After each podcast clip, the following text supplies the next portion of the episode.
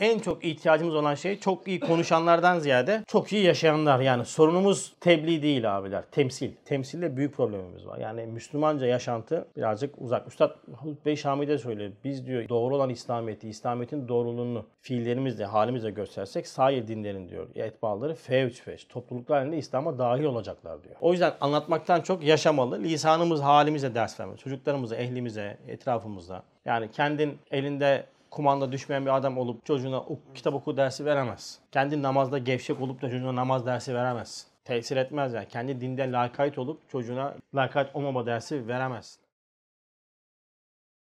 Euzu billahi mineşşeytanirracim. Bismillahirrahmanirrahim. Elhamdülillahi rabbil alamin. Salatu ve selamu ala resulina Muhammedin ve ala alihi ve sahbihi ecmaîn. Ala resulina Muhammedin salavat.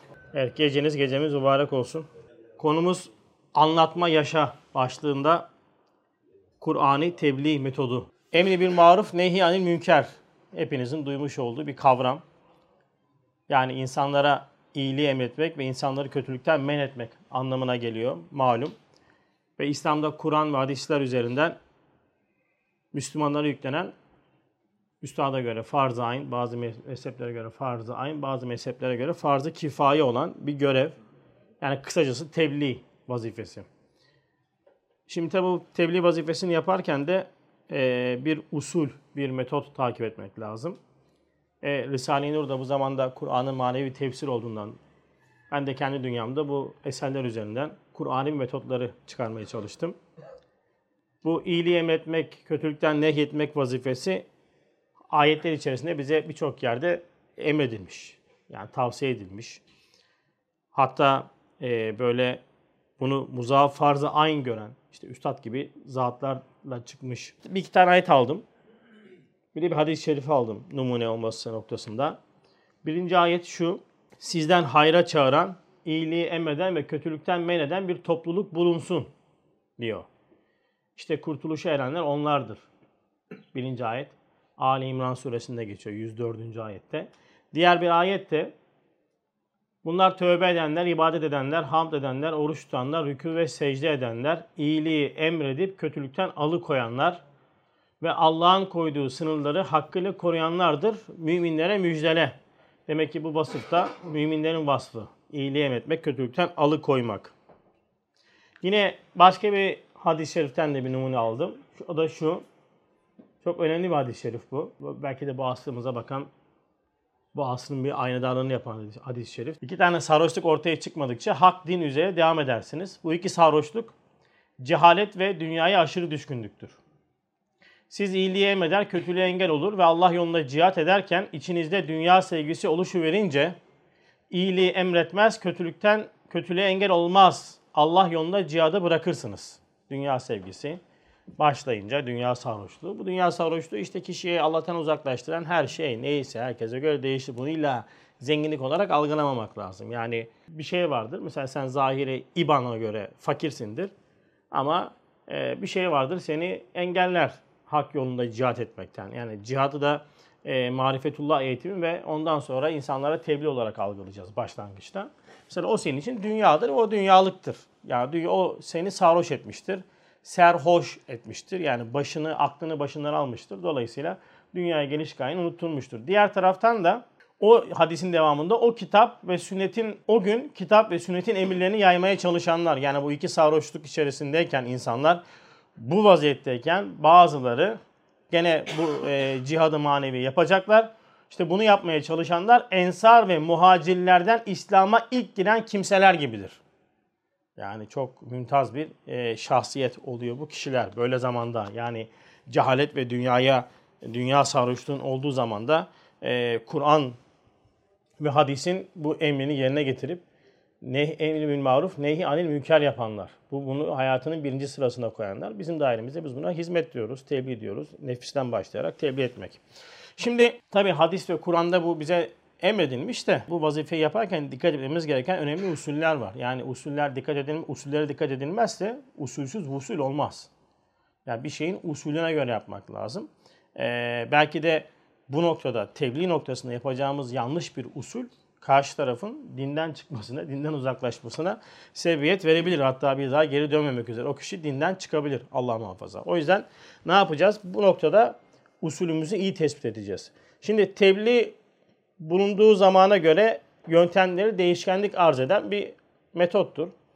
Yani tebliğ edilecek konular esasat noktasında aynıdır da e, yani mesela Allah'a iman, peygamber, ahiret, altı hakaiki imaniye, din yani ana argümanlar aynıdır ama bunu etrafa neşre ederken kullanılan yöntemler zamana göre değişkenlik arz edebilir.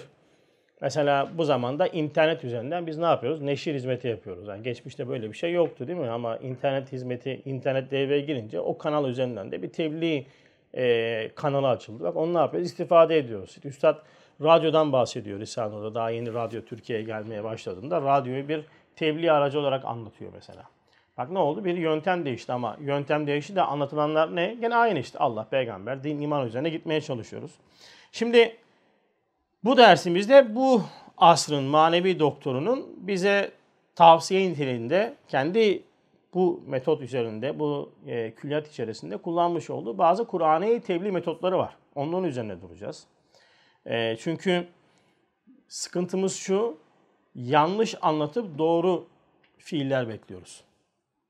Yanlış anlatıp, yanlış yaşayıp insanlardan doğru fiiller bekliyoruz. Ehlimizden doğru fiiller bekliyoruz. Bu da tabii mümkün olmuyor.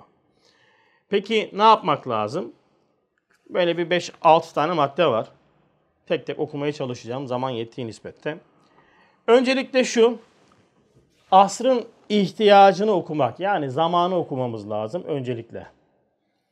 Ne demek bu? Tebliğ manevi bir ilaçtır. Dolayısıyla her tebliğ edici de manevi bir doktordur. E, manevi ilaç ve manevi doktorun bilmesi gereken şey neden öncelikle? Hastalıklardır. Hastalığın tespiti çok önemlidir. Neyini anlatacağımızı, ne anlatacağımızı iyi bilmemiz lazım. İyi tespit etmemiz lazım. Özellikle bu zamanda en büyük, en şiddet ihtiyaç nedir? İmandır. Çünkü bu zamanda bu asırda en büyük ihtiyaç esasat-ı imaniyenin tecrit ve takviye edilmesidir. Yani geçmişte esasat-ı imaniye kaviydi. Yani insanların iman esaslarına karşı bir şüphesi ondan sonra şey yoktu. Teslim vardı, taklit vardı. İyi de gidiyordu da ondan sonra. Hariçten bilgi akımı da olmayınca e, çünkü teknoloji ve dünyanın irtibat noktası bu zamanki kadar değil. Şimdi biz avucumuzun içerisinde bütün dünyayla irtibattayız.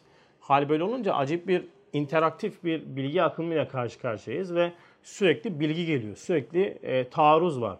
Ha bu müspet manada olduğu gibi menfi manada da aynı şekilde. Yani hiç duymadığımız birçok şeyi, kavramları öğrenmeye başlıyoruz. E tabii bu da özellikle yeni nesil yani hadi şu zamanda Z kuşağı diye ifade edilen yeni nesil bu noktalara çok ciddi şekilde maruz kalıyor. Hal böyle olunca da özellikle ehli dalaletin bu zamanda kullanmış olduğu en büyük yöntem esasat-ı imaniyeye, imanın altı erkanı dediğimiz e, Allah'a iman, meleklere, kitaplara, işte ahiret gününe, işte e, kader gibi noktalara şiddetli bir taarruz var. Dolayısıyla e, bu zamanın insanı olarak bizler manevi kanseriz.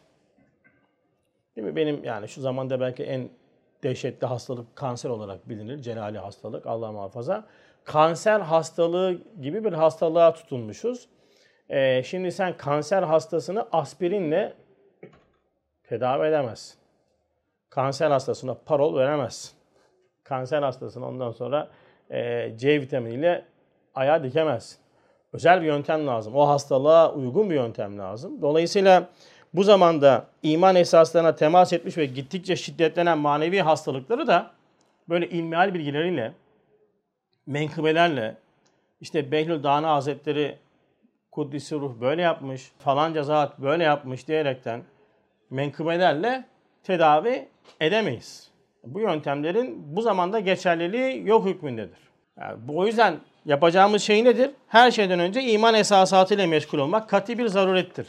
Üstad bunu e, sözlerde şöyle ifade ediyor. Yani daha doğrusu üstadın talebeleri e, Zübeyir abi Lisanlı'dan almış olduğu, Kur'an'dan almış olduğu istifadeyle bu asırda diyor din ve İslamiyet düşmanları evvela imanın esaslarını zayıflatmak ve zayıflatmak ve yıkmak planını programlarının birinci maddesine koymuşlar. Ne yapmışlar? Din ve İslamiyet düşmanları. evvela imanın esaslarını zayıflatmak ve yıkmak planını programlarının birinci maddesine koymuşlar. Bakın abiler bu, bu sistematik şekilde yapılmış ve halen de yapılıyor. Ama özellikle 1920 ile 1950 arasında Türkiye'de okullarda hakaik imanı, esasat-ı imaniye karşı onun aksini e, savunan birçok eser neşredilmiş. Ve bu eserler İslam eserleri olarak okutulmuş. Köy enstitüleri bu okutulmuş. Ondan sonra okullarda aynı şekilde okutulmuş. Şu andaki okul e, öğretileri işte okul kitapları içerisinde de hala bunların uzantılarını görebilirsiniz. Vardır da zaten. Yani dolayısıyla böyle mad birinci madde bu. imanı sarsmak. Hususen bu 25 sene içinde tarihte görülmemiş bir halde münafıkane ve çeşit çeşit maskeler altında imanın erkanına yapılan suikastlar pek dehşetli olmuştur. Çok yıkıcı şekiller tatbik edilmiştir. Halbuki, şimdi burası önemli, imanın rükünlerinden birisinde hasıl olacak bir şüphe veya inkar, inkar dinin teferruatında yapılan lakaytlıktan pek çok defa felaketli ve zararlıdır. İman esasından, rükünlerinden birisinden hasıl olacak bir şüphe veya inkar dinin teferruat kısmında yapılan lakaytlıktan pek çok şiddetlidir. Felaketlidir, zararlıdır. Yani mesela bakın şu asırda biz e, ehli iman olarak emin olun ki yani vefat ettiğimiz zaman bizi çok ciddi böyle sorguya çekmezler. Yani eğer namazımızda bir eksiklik yoksa Allah'ın izniyle itikatla, doğru itikatla gidersek teferruatta bizi incelemezler. Kaldırmaz bizim bünyemizi yani. Yani e, mesela ama ne yapacağız? Hepimiz evimizde bir ilmihal bulunduracağız. Mesela ben şimdi bazen namaza dikkat ediyorum. Bazı abilerin, kardeşlerin namazda çok zahir hataları oluyor mesela. Onlara dikkat ediyoruz. Bunları öğrenmeniz lazım. Alacaksınız elinize bir ilmihal. Bak ben bunu yapıyordum bir ara. Şimdi birkaç seneden beri yapmıyorum. Belki şimdi sizin vesilenizle anlattığım için yapmak zorunda kalırım. E, ilmihal alıyordum kendime bir tane. Var zaten Ömer Nasır Bilmen'in. Namaz kısmı, oruç, işte abdest, gusul vesaire noktalarını okuyorum. İşte namazı bozan, bozmayan halleri okuyorum. Zaten bir iki okudunuz mu bunu öğrenirsiniz. İşte secde ederken kolunuzu böyle yapıştırmamanız lazım yere. Adam mesela secdeye kapanıyor. Firavun'un secdesi gibi. Böyle olur mu kardeşim? Bunu kaldırman lazım yani. Bu, bu usuldür yani. Sonra işte ayakların ikisi böyle olmaması lazım. Gibi bak. Bunlar aranızda bu hataları yapanlar varsa düzelsinler. Bak bunları öğrenmekle mükellefiz. Bir kere okudunuz bunu öğrenirsiniz zaten. Çok fazla emek harcamanıza gerek. Ha sen şimdi ilmihal bilgilerinden suların hükmü. Ne yapacaksın suların hükmünü? Bırak. Yani suların hükmü şalı şalı su akıyor yani. Eskiden çok önemliydi suların hükmü. Çünkü su yoktu. Su bulununca da nasıl kullanacağız falan diye bir dünya şey yapıyorlar. Şimdi su akıyor zaten. Yani çok fazla böyle derine girmeye gerek yok. Bunu öğreneceğiz ama mesela bunda hata yaparsanız ya iyi niyetten götürürler sizi. Ya, ya tamam bakmayın da bu adam ahir zaman Müslümanı. Ama imanda öyle değil ama. İman altı iman esasında birisinde bir şüphe, bir tereddüt varsa, bir inkar varsa Allah muhafaza adamı götürür. Geri dönüş olmaz bunun yani. Bu adam niye bu kadar çok iman üzerine duruyor yani? Bunun içindeki şimdi en mühim iş taklidi imanı tahkiki imana çevirerek imanı kuvvetlendirmektir. Bir. imanı takviye etmektir. İki. imanı kurtarmaktır. Bakın imanı kuvvetlendirmek, takviye etmek, imanı kurtarmak. Yani bugün bir video paylaştık. Şarj bitiyor sürekli. Şarj bitiyor işte o şarj sürekli bitiyor. Bu iman şarjının bitmesi demek Allah muhafaza küfrün artması demektir. Nasıl ki pil bittiğinde telefonun kuvveti artar değil mi? Çünkü telefondan alır, şey pilden alır telefon. Değil mi elektriği? Yani sizin pilinizin %20 kalması telefonunuzun %80'lik bir enerjiye sahip olduğunu gösterir. İman küfür muvazenesi de böyledir. Senin iman ne kadar düşerse küfür o nispetle artar. Küfrün arttığında imandan yersin. O yüzden pilimizi sürekli takviye edeceğiz. Haftada bir gün, iki gün okumaklarla, şahsi okuma, şahsi gayretlerle imanı takviye edeceğiz. İman bu şakaya gelmez yani. İlmihal bilgisi değil ki. O da önemlidir ama iman kadar önemli değildir yani.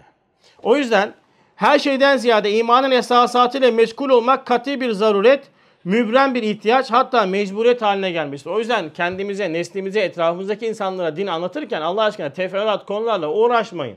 Konuyu evire çevirip iman meselesine getirin. Hakaik imaniye getirin. İşte çok teferruat hadis-i şerifleri zikretmenin, anlatmanın bir esprisi yok. Gerek de yok. Akıl kaldırmayacak çünkü. Bir sürü şüphe girecek, bir sürü vesvese girecek işin içerisine. Her duyduğunuz hadis-i şerifi, her duyduğunuz dini bilgi de karşı tarafa aktarmayın. Bakın esasata temas ediyor mu? Esasata faydası olacak mı? Sen şimdi en teferruatla ilgili hadisleri getirip din namını anlattığın zaman bu sefer esasat teferruat haline geçmeye başlıyor. Bir şeyle ne kadar çok meşgul olursanız diğer şey onun gölgesinde kalır. Dünya ahiret dengesi de böyledir yani. Has dünyaya has nazar ahireti ikinci plana atar. Ahirete nasip has nazar eden de dünyayı ikinci plana atar. Bu böyledir yani. Kanuniyet. E sen şimdi teferruatla uğraşıyorsun. Hadi suların hükmünü hep beraber öğrenelim. İşte deve üstündeyken namaz bozulur. Şey bozulmaz inince bozulur ya bu nasıl olur? Ya babam deveye bineceğim mi? Deven var mı? Devede namaz kılacağım mı? Yok. Ya zamanında lazımmış o hüküm. Bir araştırması yapılmış. Bugün eğil olsam, mesela ben bir hoca olsam, bir e, medres hocası olsam, benim vaktim var ben muhafaza edeyim, öğreneyim o işi. Ama abi benim 40 dakikalık, 45 dakikalık vaktim oluyor olmuyor bir ders dinlemek için. Şimdi ben bunu mu düşüneceğim yani? Bunu mu öğreneceğim ya? Acaba buradaki hikmet nedir yani? Hiç gerek yok. Bunu pas geç. Hiç de bir şey olmaz yani. Ama böyle teferruat konularla uğraşa uğraşa, mesela cin konusu meşhurdur bizim ee, sen söyle dünyamızda. Çok canlı bir konudur cin. Üç harfliler. Nedir acaba? Cinlerden peygamber gelmiş mi? Sana ne? Bırak cin düşünsün ya. Allah Allah gelmişse tabi olmuşlarsa kurtulmuşlardır. Olmamışlarsa Allah onların sonuna hayretsin. Sen peygamber sana peygamber geldi sen tabi oldun mu onu düşün. Bak bunlar hep teferruat konular ve bugün ehli dalalet bu teferruat konuları nazara vere vere vere vere insanları dinden uzaklaştırıyor. Geçen gün bir tane caps gördüm de meşhur bir tane hocaya soru sormuştu. İşte e, dijital para caiz mi falan filan. Haram mı değil mi diye. Ya demiş ki ne haram diyebiliyorum demiş ne haram değil diyebiliyorum demiş. Falan böyle bir yorum yapmış. Birisi de alta yapıştırmış ya hocam 40 yılda bir gün, güncel bir soru gelir. Onu da pas geçiyorsun. Yani de, televizyon üzerinde bakın olay gerçekten vehamet bu yani. Ramazan gelir sakız orucu bozar mı bozmaz mı? Ondan sonra kurban gelir lan kurban derisini kime vereceğiz? Hayvanın kaçta kaçını saklayayım kaçta kaçını yiyeyim? Ya hepsi neye ya Allah aşkına? Ye de biz kurtulalım sen kurtul. Mesela kurbanın uğraşmamız gereken kısmı o değil ki ama hep bu teferruat. Teferruat bizi öyle boğuyorlar maalesef. Yani birinci nokta demek ki neymiş? Bu asrın ihtiyacı olan hakaiki imani üzerine yoğunlaşmak ve onun üzerinden tebliğimizi ağla, e, sen söyle yapmak. Önce nefsimizden başlayarak sonra etrafımıza. Diğer bir nokta şefkat.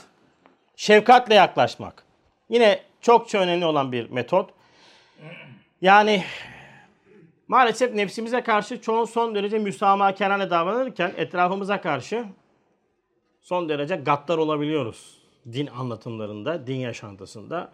Hani meşhurdur kendi yutar salkımı millete verir talkımı mı öyle bir söz vardır. Ondan sonra gerçekten de din anlatıcıları olarak bazen bu e, vartaya düşebiliyoruz.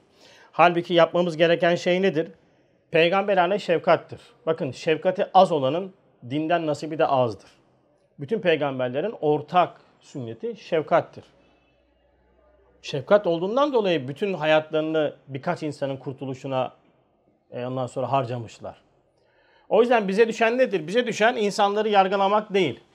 Biz mümin miyiz? Müminiz. Elhamdülillah kardeşiz. O zaman bir mümin olarak bir mümin kardeşimizin fenalığını gördüğümüzde ne yapacağız? Ona dua edeceğiz. Mümin kardeş kardeşini sevecek ve sevmeli. Fenalığı için yalnız acır. Ne yapar? Tahakkümle değil. Belki lütufla ıslahına çalışır. Bakın tahakkümle değil, lütufla ıslahına çalışır. Yargılamakla, etiketlemekle kimse bize derece vermiyor. Böyle böyle bir cemaat güruhu da var biliyorsunuz. Tekfir etme hastalığına tutulmuş. Böyle level atlama gibi tekfir ediyor adam. Yani seni tekfir ettim, seni tekfir ettim. Günde kaç kişi tekfir ettim? 10 kişi. O bayağı iyi çalışmışsın sen yani. Tamam Böyle garip bir güruh türedi. Türer. Çünkü din kişinin e, dünyasına girmeye başladığında kendiyle uğraşmazsa o kişi karşı tarafa karşı böyle acayip sertleşen ve e, yargılayan bir hale girebiliyor. O kişiyi çok ciddi şekilde böyle keskinleştirebiliyor. Ben bunu çok müşahede ettim. Kendim kendime de çok böyle bir ara çok gördüğüm bir şeydi bu. E, şimdi kurtulmaya çalışıyorum en azından dua ediyorum. Keskinleşmeye başlar. İnsanları yargılayan, öteleyen işte sen dünyalık, sen paraya boğuldun, sen olsun, sen busun, sen olsun derken bir tarafta karşı tarafı işaret ederken diğer parmak da kendini gösteriyor. Böyle senin de zıttın benim işte sen ne kadar dünyalıksan ben o kadar ahiretliyim. Sen ne kadar gevşeksen ben o kadar takvayıma gelmeye başlıyor. Bu yargılayıcı ve öteleyici dil neslimize de maalesef yaptığımız bir şey. Senden bir şey olmaz, sen hiçbir şey olmazsın, sen böylesin, sen öylesin diye diye diye diye diye diye bütün o şefkat köprülerini atmaya başlıyoruz. Bakın Uhud Savaşı'nın sonuna doğru bir mağlubiyet hali var biliyorsunuz. E, Uhud Savaşı'nın son me- meşhur Hazreti en azından Çağrı dizisinin şey Çağrı filminden bildiğiniz o muhteşem e, filmin 4K'sı da çıkmış bu arada. E, gözümüz aydın elhamdülillah eski püskü izlemekten kurtuluyoruz. E, yine o e, Çağrı filmin arkasında Uhud o Okçular Tepesi'nin arkasından gelen Haz, Halid bin Velid değil mi? E, bir son demde bir mağlubiyet hasıl oluyor ve Efendimiz sallallahu aleyhi ve sellem Uhud Savaşı'ndan sonra hiçbir sahabeyi yargılamamış. Sizin yüzünüzden böyle oldu, öyle böyle oldu şeklinde yargılamamış ve bunun üzerine ayet nazil oluyor. 159. ayet Ali İmran suresi. O vakit Allah'tan bir rahmet ile yumuşak davrandın diyor sen ashabına.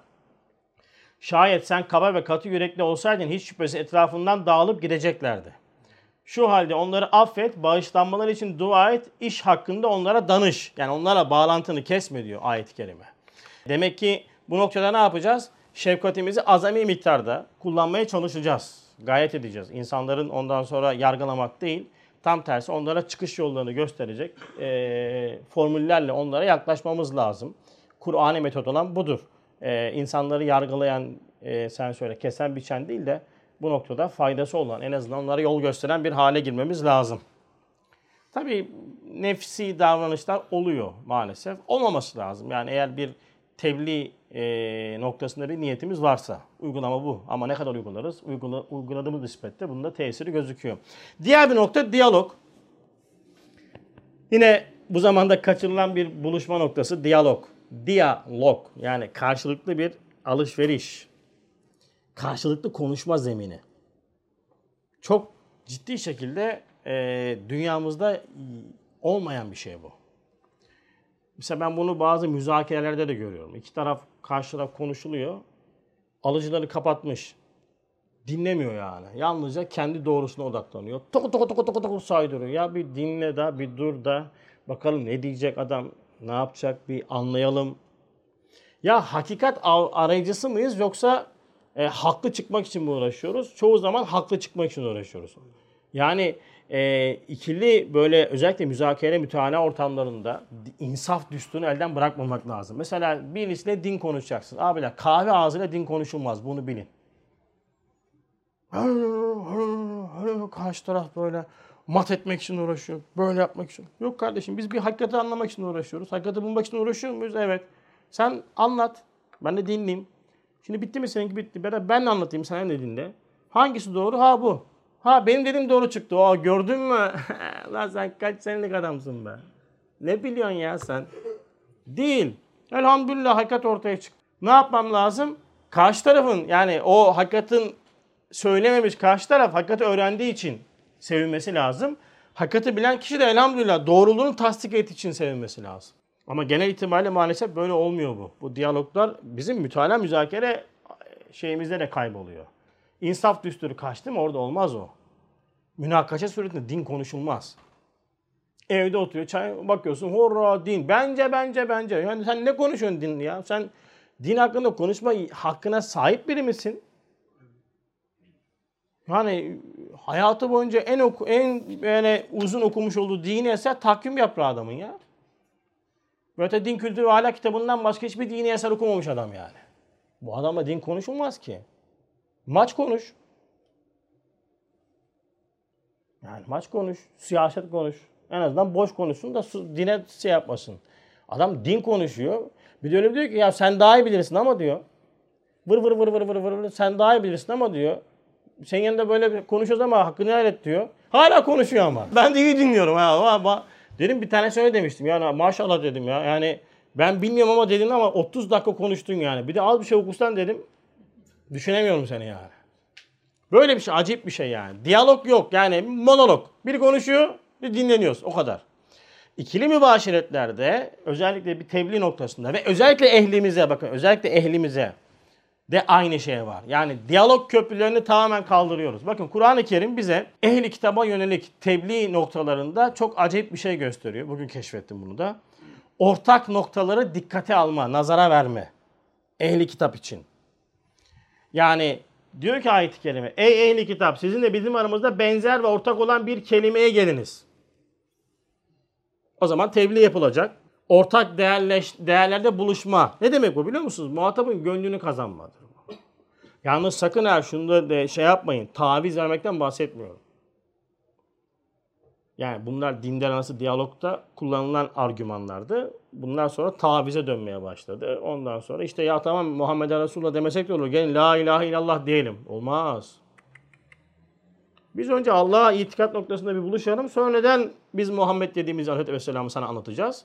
Sen de tabi olacaksan olacaksın, olmayacaksan sen bilirsin. Yani o yüzden dinler arası diyalog olmaz. O zaman dinleri kabul edersin sen.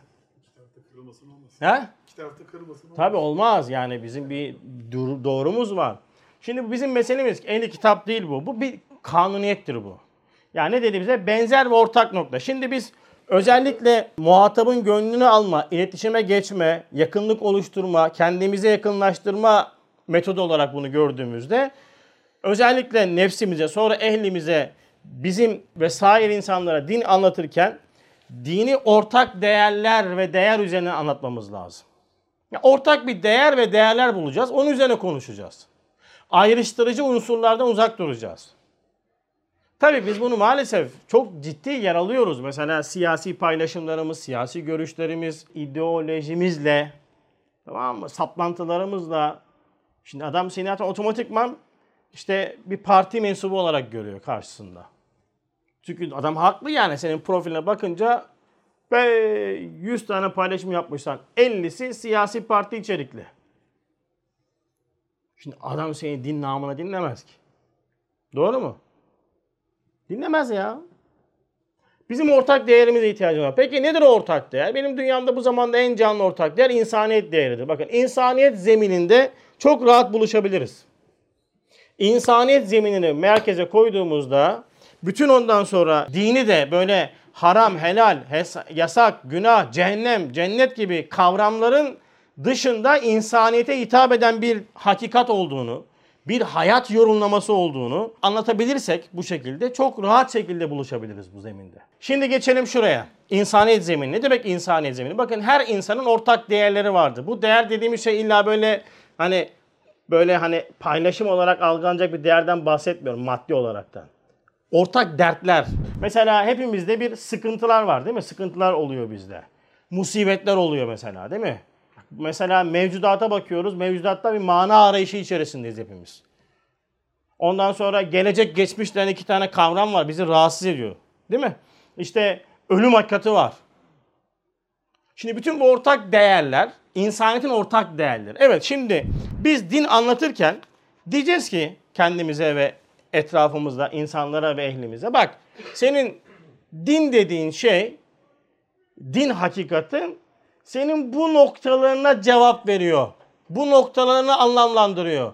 Yani sen dinle buluştuğunda bu varlıksal sorularına ve sorunlarına cevap bulacaksın. Yani ölüm dediğin şey seni korkutan bir şeyken sen bu ölümü anlamlandırman lazım. Hayatı anlamlandırmadan yaşayamazsın. Anlamsız hayat çekilmez. Bakın size bir misal vereyim. Geçen Zoom dersimizde çıkmıştı bu mana. Adam ateist. Hayatı anlamsız yaşıyor. intihar ediyor. Arkadan mektup bırakıyor. Ölüm nedenini açıklayan bir mektup. Niye bırakıyorsun ki? Niye bırakıyorsun ki mektubu? Ne yapayım ben senin neden öl- kendini öldürdüğünü? Yanlış anlaşılmasın. insanları dışlamak için söylemiyorum. Bakın bir din hakikatinin kanuniyet olarak insana ne kadar gerekli olduğunu ispat etmek için konuşuyorum. Bak ne yapmış? Kendi fıtratını ihanet etmiş. Dini kendince anlamsız, gereksiz bulmuş. Ama din ölümün hakikatini izah ediyor, ifade ediyor, anlam katıyor. Bunu reddediyor, kendini öldürüyor. Öldü, neden öldürdüğünü anlatmak için arka tarafa not bırakıyor. Bırak, bırak gerek yok. Niye bırakıyorsun notu? Sen niye notu bırakıyorsun? Diyorsun ki ben neden öldürdüm biliyor musunuz kendimi? Öyle boşu boşuna değil. E bunca yaratılış boşu boşuna mı? Niye vahiy geliyor sana, bana, bize? Diyor ki Cenab-ı Hak ben bunca yaratılışı boşu boşuna oyun olsun diye yapmadım diyor. Sen bunu reddediyorsun. Kendini öldürüyorsun. Bu, bu metoda tabi olmayarak kendini öldür- öldürüyorsun. Bu anlam metoduna tabi olmayarak, dine tabi olmayarak kendini öldürüyorsun. Ve not bırakıyorsun. Diyorsun ki ben kendimi bunun için öldürdüm. Çelişiyorsun, kendinle çelişiyorsun. Bu şeye benziyor. Ateizm Derneği'nin başkanı olması gibi bir şey bu. Adamlar dernek kuruyorlar, başkan koyuyorlar. Niye başkan koyuyorlar? Bırakın kendi kendine idare etsin dernek. Olur mu ya diyor. Dernek başkansız olur mu? Ulan dernek başkansız olmaz da koca kainat ilahsız olur mu? Ha, bu kadar. Tamam mı? Sekreter koyuyor derneğe. Niye sekreter koyuyorsun? Telefonlara baksın. Neden? Buranın buranın mahiyetini açıklasın. E tamam biz diyoruz ki peygamber var işte. Kainatı yaratan zat bu kainatı neden yarattığını elçi vasıtasıyla bana ders veriyor. He. Sonra senin tüzüğün var. Niye? Derneğin ne için yapıldığını, hangi faaliyetleri gö- güttüğünü anlatıyorsun. Tüzüğün var senin. Tamam işte bizim de vahyimiz var. Kur'an-ı Kerim diyor ki bana Cenab-ı Hak ben kainatı yarattım. İşte neden yarattım burada yazıyor. Tebliğ edicisi de genel sekreter de peygamber. Sistemin kendisi sistemi lağvediyor. İşte din bu. Dini böyle anlatabilirsek gerçekten çok güzel bir şey olur bu. Hayatın içerisinde bakın sürekli şekilde hayat içerisinde mana akışı, anlamsızlığı gideren bir öğreti olarak dini anlatabilirsek ortak zeminde of tadından yenmez. Abi biz genelde işte yanacaksın, çarpılacaksın. Senden bir şey olmaz. Böyle öyle diyerekten bütün o diyalog kapılarını kapatıyoruz ve yanlış metotla yanlış tebliğ yapıyoruz. Bu sefer de aman bundan adam olmaz ya. Sen adam oldun da o adam olacak da. Evet. Diğer bir nokta. Uslup. Ve kavli leyin. Duymuşsunuzdur bu kavli leyin kelamını. Maalesef yine kaçırdığımız bir nokta uslup. Yani kendi dünyamda da uslup noktasında çok zaafım olan biriyim maalesef. Argo konuşmak, böyle galis tabirler, ondan sonra küfürvari ifadeler. Biz bunları yapıyoruz ve buna samimiyet diyoruz yani. Ne var ya biz samimiyiz, samimi ortamdayız. Samimiyetle küfrün ne alakası var ya? Bakın, uslup aynıyla insandır. Uslup kişinin iç dünyasının dışa vurumudur. Yani bir insan mana ve marifet ehli ise bu hakikatlarla kendini donatıyorsa o kişinin kelamının, uslubunun dışa vurumu o okuduğu hakikatlerin minvalinde şeyler olur.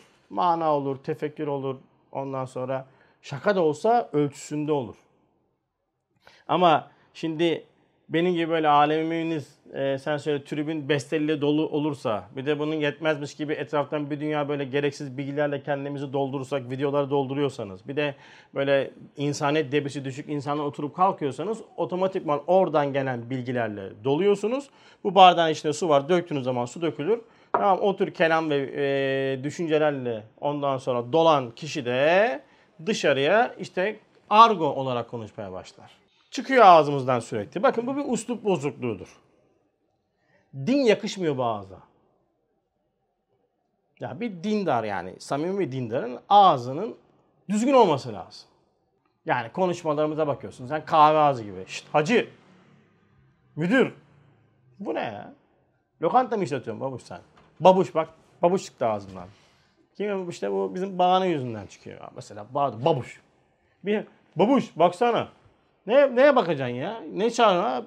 Ya tamam beyefendi deme diyemiyoruz şimdi. Beyefendi mi diyeyim ya? Keşke desek de. Ya beceremiyorum ben şahsen. Ha, kardeşim bakar mısın? Bana bir dersin. Babuş ne ya?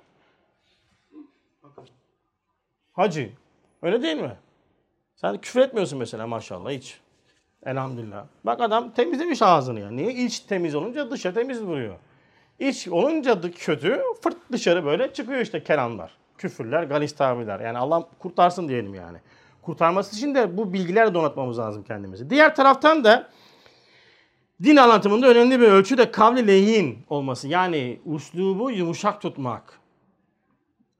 Üstad Hazretleri bunu Risale-i her yerinde bunu kullanıyor Kur'an metodu. Birkaç Risale'de hariç, Tabiat Risalesi'nde kullanmıyor. Bir yerde kullanmıyor böyle çok sert gidiyor. Ondan sonra e, bazı yerlerde böyle kantarın topuzunu adeta kaçırıyor diyorsun hani üstada şey olaraktan söyleyeyim. Çok şaşırıyorsun ondan bu adam böyle konuşmaz normalde ama bakıyorsun takır takır saydırıyor yani. Niye kavlileyin? Bakın Risale bu e, şimdi Tabiat Risalesi'nin haşiyesini okuyacağım. Tabiat Risalesi'nde çok böyle acip tabirler var. İşte ey diyor ahkem ahmak lükemadan tahammuk etmiş olan ahmak. Eşek diyor muzaf eşek olsa sonra insan suretine girse bunu kabul edemez diyor. İşte tabiatçılık üzerinden yaratılışı kabul eden işte elmayı ağaç e, yaptı şeklinde düşün en basit. Bu diyor eşek diyor muzaf eşek olsa sonra insan kılığına girse bunu kabul edemez diyor. Böyle çok yoğun ve harbiden de acayip tabirler kullanıyor.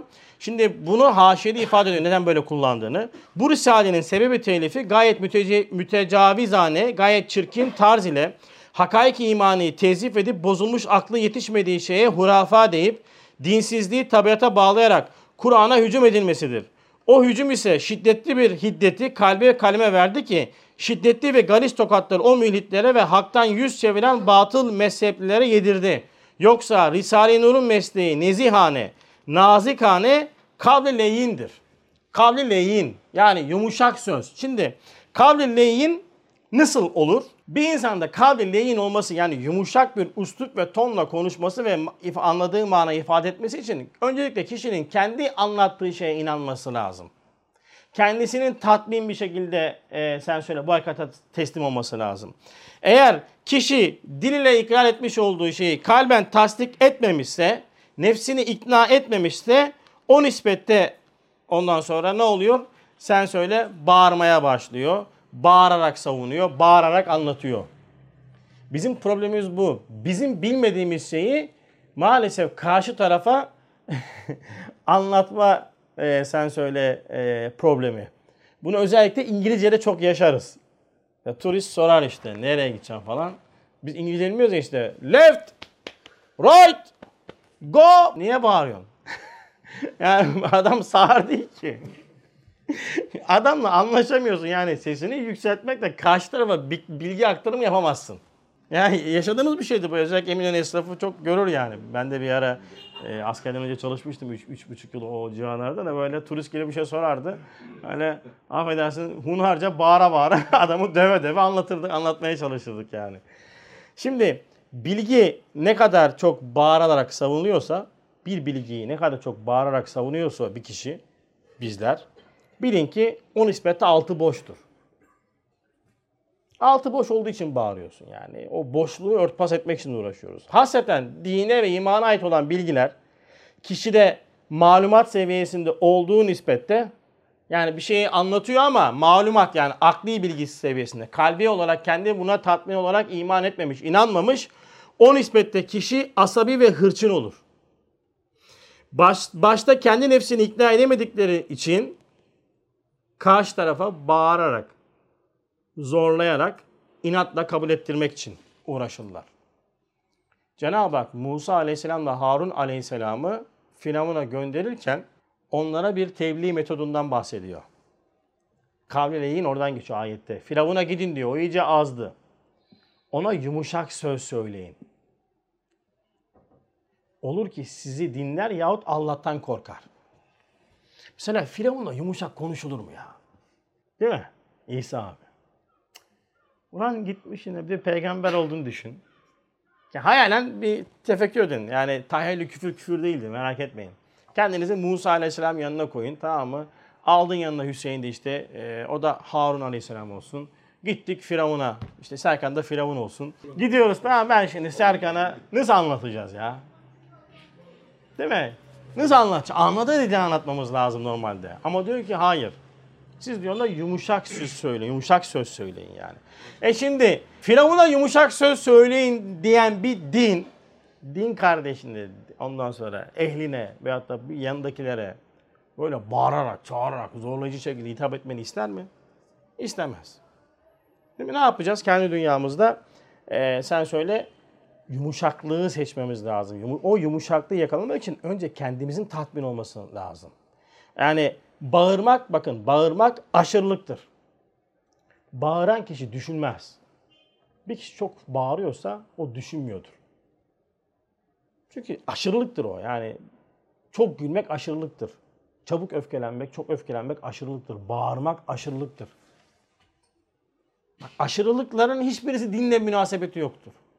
Yani bağıran kişi düşünmez. Aslında bağıran kişi bağırarak anlatan, böyle bağıra bağıra ondan sonra anlatan kişinin bir kere dinle münasebeti zayıftır.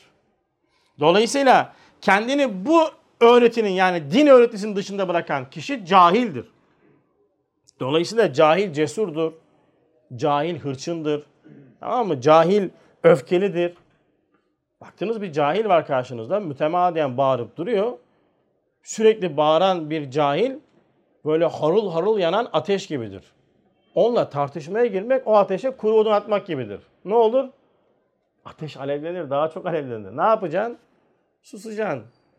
Sen dine tabi olacaksın. Susacaksın. O diyecek ki o susturdum. Bırak edepsiz seni susturdu zannetsin de sen edebinden sus. Allah için sus. Ama girme çünkü e, sen söyle hiçbir şekilde muvaffak olamayacağız. Cahilane tavır en büyük zararı dine veriyor işte. Bu noktada bu öfkeyle, bağırmakla dini anlatmamak lazım. Kızarak, bağırarak değil. Kavli leyin ile yumuşak söz söylemek. Yani bu yağmura benzetmiş birisi. Hoşuma gitmişti bir kere okumuştum da. Ee, yağmura benzetmiş. Yani yağmur 10-15 kilometrelik mesafeden düşer. Değil mi? Ama ra- yağmur rahmetin tecellisidir. Rahmetle eşdeğerdir. Rahmet yağıyor deriz ya yağmurda. Değil mi? Şimdi aynen bunun gibi de o kadar uzak bir mesafeden düşmesine rağmen hiçbir şeye zarar vermez ve düşmüş olduğu yere Allah'ın izniyle hayatlandırır. O yüzden güzel söz çok önemli. Hepimize inşallah Mevla nasip etsin böyle güzel sözle konuşabilmeyi. Diğer bir nokta muhataba göre, muhataba göre konuşmak ve temsil metodu. Kur'an-ı Kerim'de kullanılan bir metot muhataba göre konuşmak. Yani e, karşıdaki konuşacağımız kişiyi yaş, baş, konum vesaire noktasında değerlendirip karşı tarafa konuşmak. Üstad bunu mesela Risale'de çok da kullanıyor ve mesela diyor ki işte e, ey kardeş benden birkaç nasihat istedin. Sen bir asker olduğun için askerlik temsilatıyla diyor. Sekiz hikayecikleriyle birkaç hakikati nefsinle beraber dinle. Askerle konuşuyor, askerlik temsilatıyla konuşuyor. Çocukla konuşurken siz ne, ne yapıyoruz çoğu zaman? Çocukça konuşuyoruz. Agu. Ne yapıyorsun lan sen koca adam agu yapar mı? Yapıyorsun işte. Ondan sonra işte bizim evde Amine'yi güldürmek için türlü türlü şaklabanlıklar yapıyoruz. Yani kamera alsa ondan sonra çekin Amine'yi oradan gözükmüyor. Ne yapıyor adamlar dersiniz. Yani o koca koca adamlar. Ondan sonra iyi falan ne yapıyorsun? Çocukla münasebet kurmak için çocukça konuşuyorsun. Tabii yani diyalog var ve o diyalogda sen artık sendeki oyu ondaki seni görünce artık o duvarı kaldırıyorsun. Ve bu sefer onunla nasıl diyalog kurarımla başlıyorsun. İşte agu yapıyorsun, iyi yapıyorsun, bu yapıyorsun. Bak konuşuyorsun. Muhatap çocuk. Şimdi muhatap gençse gence göre konuşacaksın. Muhatap askerse askere göre. Yani ne demek bu? Karşı tarafın ilgisini çekecek, mesele içerisinde kendini bulacak temsiller, metotları bulmamız lazım. E tabi bu e, misal getirmek de birazcık ciddi uğraş ister. Yani misal getirmek hayat içerisinde okuduklarınızın karşılıklarını görmekle olacak olan bir şeydir. Çok ciddi bir tefekkür ister yani. O yüzden tefekkürü çok olanın misali çok olur. Kur'an-ı Kerim'de kullanılan bir metottur misal getirerek ona. Temsil diyor. Temsil. Temsil dört tane madde miydi Önder abi? Nedir? Temsil merdivendir. Seni bazı hakikatlara çıkartır. Temsil dürbündür. Uzak olan hakikatleri sana yakınlaştırır. Temsil penceredir. Başka bakış açıları sana verir. Temsil cihetül vahdettir. Yani birçok meseleyi bir yana toplar, sana getirir, mezeder ve sana iç- içeri birçok mesele bulursun. Temsili kavi olanın tefekkürü kavidir. Temsil çok önemlidir bu noktada yani. Şimdi sen ben bir hakikati anlatacaksam karşıdaki muhatabın durumuna göre ve temsiller üzerinden anlattığında karşı taraf bunu Allah'ın izniyle anlaması daha da kolaylaşıyor ve daha ciddi bir tesir oluyor. Yani ne yapacaksın kardeşim? Tebliğ yapmadan önce bir çalışacaksın demek ki. Yani konuyla üzerine biraz yoğunluğun olacak. Diğer bir metot da müdellel ve ikna metodu. Yani delillerle anlatma. Yani bu zamanda üstad diyor ki medenilere galebe çalmak yani bu asır insanına medenilere galebe çalmak ikna iledir. Söz anlamayan vahşiler gibi icbar ile değildir. Zorlayarak inanacaksın, kabul edeceksin vesaire diye değil. İkna edeceksin, icbar etmeyeceksin, zorlamayacaksın. Cebr yok, ikna var. İkna etmen için önce ikna olman lazım. İşte bu da ispattır. İspat metodu. Çok önemli bir metot. Yani yani bunu daha önce anlatmıştım size. İspat metodu öyle bir anlayış var ki ispat metodunda sanki bize has olan bir metot gibi. Bak şimdi kelime ve kavramların içeriğini doldurmamız lazım. Hep söylüyoruz abiler. Gömleğinizi ütüleyin, pantolonunuzu ütüleyin ama kavram ve kelimelerin üzerine ütülemeyin. Ne demek bu? Geçmeyin böyle. Fırt diye geçerseniz yoğunlaşamazsınız, anlayamazsınız. Bazen bir kelime, bir kavram bütün konunun açılmasına vesile oluyor. Bak ben bu dersi yapmamda sebebiyet veren cümle hangisi? İntihaptaki ihtiyar sizdedir. Değil mi? Beraber yapıyoruz. 8. sözü çalışıyorduk. İntihaptaki ihtiyar bu cümleden dedim ki Risale-i Nur'un bu zamanda kullanmış olduğu Kur'an'a bir tebliğ metodu bu. Birkaç tane daha tebliğ metodu var demiştim. Bak dedim beni kızıyorsunuz 15 sayfa yazı çıkarın demiştim bundan. 23 sayfa çıktı. Ve kestim daha birkaç tane daha vardı yazmadım yetmedi. Çünkü sabahta bir cenaze vardı ona katıldık falan. Öğleden sonra gelince e, halala göre anca yetiştirdik dersi. Bak şimdi o kavramın önüne geçseydik ne demek işte? Seçim sana ait geç. Bitti. O an doğruyu anlarsın. Ama bütün etraflıca bağlantılarını kavrayamazsın. Kelime ve kavramlar önemlidir. Yani ezbere dayalı geleneksel anlamlandırma ifadelerin yanında geniş bir perspektif gerektiren bir hakikattır bu kavramlar. İspat da onlardan bir tanesidir. Yani ispat metodu e, sen söyle bir yönüyle ele alınıyor ve biliniyor. Ne demek ispat? İspat bir şeyi inkar edene o şeyi delillerle gösterme ve kabul ettirmedir. Kur'an-ı Kerim'de bu var mıdır? Vardır. Ehli küfre, münafıklara ve ehli kitaba işte e, inançsızlara Kur'an-ı Kerim hükümlerini kainattan deliller getirerek ispat ederek anlatır. E şimdi Kur'an-ı Kerim'in ilk muhatabı kimdir? Ehli imandır. Ehli iman ilk muhatapsa o zaman ispatın bana bakan veçid olması lazım. İşte ispat kavramının ikinci manası sübuttur. Yani kalpte sübut bulması, sabit olmasıdır. Kalpte sübut bulması, sabit olması. Yani Kur'an-ı Kerim diyor ki bana benim sana anlattığım hükümler, vermiş olduğum eğitimin dilden kalbe nakşetmen için ispat etmen lazım. Sübut bulması lazım. Yani sen o hakikatler üzerine ciddi yoğunlaşıp insaniyetin de bu kavramın üzerine çalışaraktan o hakikatleri kalbe sirayet ettirip sabit kılman lazım diyor. Ve iman sübut ettiğinde, sabit kılındığında artık şeytanın eli oraya yetişemez. O yüzden Risale-i Nur talebeleri Allah'ın izniyle kabre imanla gelecekler diyor Üstad. Neden? Çünkü dilde kalmayan bir iman, kalbe sirayet eden bir iman. Şimdi bu unutulmuş. Adam diyor ki işte biz kardeşim Risale-i Nur tefsir okuyoruz. İşte Kur'an anlamaya çalışıyoruz. Risale-i Nur ispata dayalı. Benim şüphem yok ki diyor. Vay vay vay vay efendi hazretlerine bak sen. Benim şüphem yok diyor. Şu, niye illa şüphem mi olması lazım senin iman esaslarının üzerine yoğunlaşman için? O zaman niye ayet-i kerime diyor? Ey iman edenler iman edin. Değil mi? Ayetin ifadesi bak. Bediüzzaman Said Nursi'nin değil. Ayetin ifadesi. Kelamullah. Ey iman edenler iman edin. Ne demek bu? Ben şimdi ey oturanlar oturun. Ne de, desem ne dersiniz? Ne diyor lan bu adam? Kafayı mı yedi yani? O adam oturuyoruz biz. Niye bana oturun diyor ki. Ha demek ki oturuşunuzda bir oturma problemi var diyorum ben size. Ona göre oturun. Ey iman edenler iman edin derken Kur'an-ı Kerim benden iman dediğimiz hakikatin buradan değil buradan olmasını istiyor. Bu da ancak ciddi bir tahkiki imanla gerek oluşacak olan bir şey. İbrahim Aleyhisselam'ın meşhur ondan sonra kısası. Ey ya Rab sen nasıl ölüleri dirilteceksin diye soruyor. Cenab-ı Hakk'a Cenab-ı Hak ne buyuruyor? Ey İbrahim inanmıyor musun? Ne diyor? İman ediyorum, inanıyorum fakat diyor kalbi mutmainlik istiyorum. Bugün kalbi mutmainliğe ihtiyacımız var. O yüzden tahkik iman eğitimi esastır. İspata dayalı eğitim bu yüzden gereklidir. Benim ihtiyacım yok. Yakma ya. Ölüm deyince ödüm patlıyor ama. Ölüm deyince elin ayağın titriyor. Üç sıkışınca faize giriyorsun. Üç kuruşluk dünya için diğersini, dinini, tesbihini, zikrini terk ediyorsun. Üç kuruşluk dünya için yalan konuşuyorsun. E ne bu? Hani sabitti? İmanın sağlamdı. Şimdi bunu alıyor. Tamam mı? Bir tane hoca efendi Allah razı olsun. Çok sevdiğim, takdir ettiğim. Ondan sonra hocadır. Ayrı mesele. Ee, özellikle diyor ateistlere ve deizme karşı Risale-i Nur eserlerinin mutlaka okunması lazım. Diyor. Bizim böyle böyle ponçik nurcular da hemen paylaş işte falanca hoca diyor ki falanca hoca diyor ki işte Risale-i eserlerini çok seviyor bak dost diyor. Ne dost ne diyor hocam sen okuyun bakayım bana hocanın dediğini bana. Diyor ki ateistlere ve deistlere karşı Risale-i Nur eserlerin okunması lazım. Sen şimdi bu hoca sen bunu söylemekle Risale-i Nur'un takdir ettiğini mi iddia ediyorsun sen? Ahmak. Yok ki kafa, teneke. Okumuyor ki. Al barandan paylaş. Mehmet paylaşmış mı? Ünlü ya Mehmet. Mehmet paylaşmışsa takipçisi çoktur. Caizdir. Yapıştır gönder gitsin. Kardeşim ateistlere ve deistlere okunan okunması lazım deyince otomatikman bütün ehli imanı kenara çekiyor bu. Sadece onlara. Onlara. Bitti. Seni yok sana gerek yok. Sen yok. Ateist deist işin var mı senin? Bak ben yıllardan beri bir tane ate ateiste denk gelmedim ya. Bir tane deiste denk geldim o da ateist oldu benim vesilemde yani. Yani adam anlattı ben deistim falan anlattım adama abi deist nasıl olur yani Allah'a iman etti peygamber iman olmaz falan anlattım. Bakmış abi harbiden ben adama demek ateistmişim haberim yokmuş dedim de helal olsun.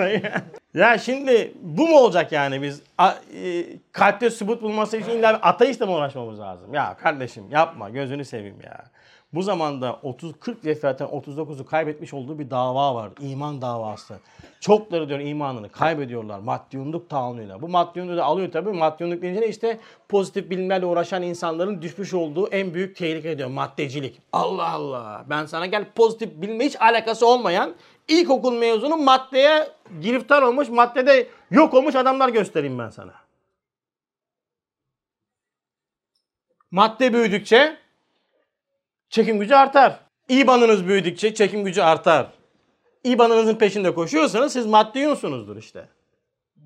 Anladınız? İban. iman demiyorum. İbanınızın değeri üzerinden hayat anlamlandırması yapıyorsanız maddiyunsunuz siz. Al sana bizim dahilimizdeki maddiyunluk. Hiç alakası yok pozitif bilim. Adam bilim de bilmez bir kere yani. Ama Allah vermiş. İmkanlar ticaret yapmış yapmış. İban artmış. İban arttıkça da İban'ın peşinden koşmuş. Bakıyorsun İban için her yere gider. iman için derse gelemez. İban için dertleri iman için derdi olmaz. İ, İban için ikinci fabrikaya açar değil mi Murat abi? Üçüncü fabrikaya açar. Yani normalde bir tane fabrikadan gelen gelinle yani sülalesi doyar ya. Olsun ya. Bir tane daha ya. Bir tane daha. Bir, bir tane dershane açalım. E var ki dershane. Niye açıyorsunuz ki? Ya tabii. Niye açıyorsunuz ki? Fuzuli. Fuzuli. Bak maddiyumluk bu işte. Bak böyle çekince kendimize bak nasıl oluyor. Bu sefer ispat ve subut sana da lazım olmaya başlıyor. O yüzden yani bu ispatı, subut yani Lisanur talebelerine has bir ondan sonra e, yöntem bir şey. Bizim ispatı ihtiyacımız yok falan. Yani diyorlar ya böyle bazı e, ham softalar var böyle. Denk geliyorum böyle tiplere. Yani anlatsan da anlamayacak. Yani ne diyeyim ben şimdi kardeşim? Sen evet tamam kardeşim. Senin imanın kapı gibi. Allah mübarek etsin. Ben sana bir hadis şerif söyleyeyim yalnızca. Sen imanın kapı gibi görüyorsun ya, kendine böyle güvende görüyorsun ya, bir de artık o iman güvende olunca artık ibadetle süslendiriyorsun ya. Akıbeti hakkında diyor, son nefesteki akıbeti hakkında defne yaprağı gibi titremenin akıbetinden endişe edilir. Hz. Muhammed Mustafa Aleyhisselatü Vesselam söylüyor. Üstad söylemiyor bunu.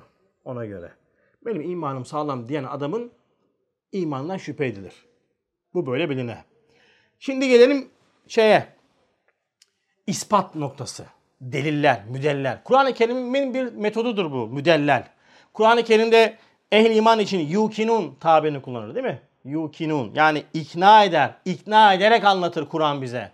Ve e, ehli iman ikna noktasında kainatta kainatta ve enfüste bazı deliller üzerine imanını bina eder. Enfüste ve afakta. Fussilet suresinde geçen 53. ayette bu. Yani varlığımızın delillerini kainatta yani afakta ve kendi nefislerinde enfüste onlara göstereceğiz der ve gösterir Kur'an-ı Kerim bize.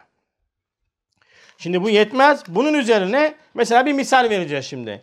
Nübüvvet makamının reisi olan Efendimiz Aleyhisselatü Vesselam Kur'an ile vermiş olduğu yeniden diriliş. Yani haşir akidesi var değil mi? Yeniden diriliş. Kur'an bize bunu anlatılıyor. Ve buna ilk muhatap olan ehli iman. Bunu nasıl anlatıyor Kur'an-ı Kerim? Bakın 3 tane Yasin-i Şerif ayetini aldım. Hani biz gece yatarken okuduğumuz var ya Yasin. Ölüler okuduğumuz Yasin var orada geçiyor bu. Haberiniz olsun bu. Bu e, tercümesini bilmeye, bilmeyebilirsiniz ama Arapçasını mutlaka ezbere biliyorsunuz Arapça kısmını. Ama ne dediğini de en şurada bilin. Diyor ki şimdi Kur'an-ı Kerim bana yeniden dirilişi anlatacak.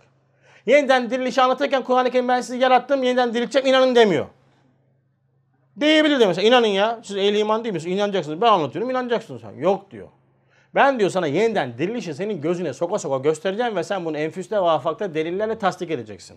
Şimdi önce ilk şeyim şu. İnsan diyor bizim kendisini az bir sudan yani meniden yarattığımızı görmedi mi? Bu asır bunu en net gören asır ha. Mesela sahabe-i kiram bunu göremez. Çünkü yok ki ultrason yok.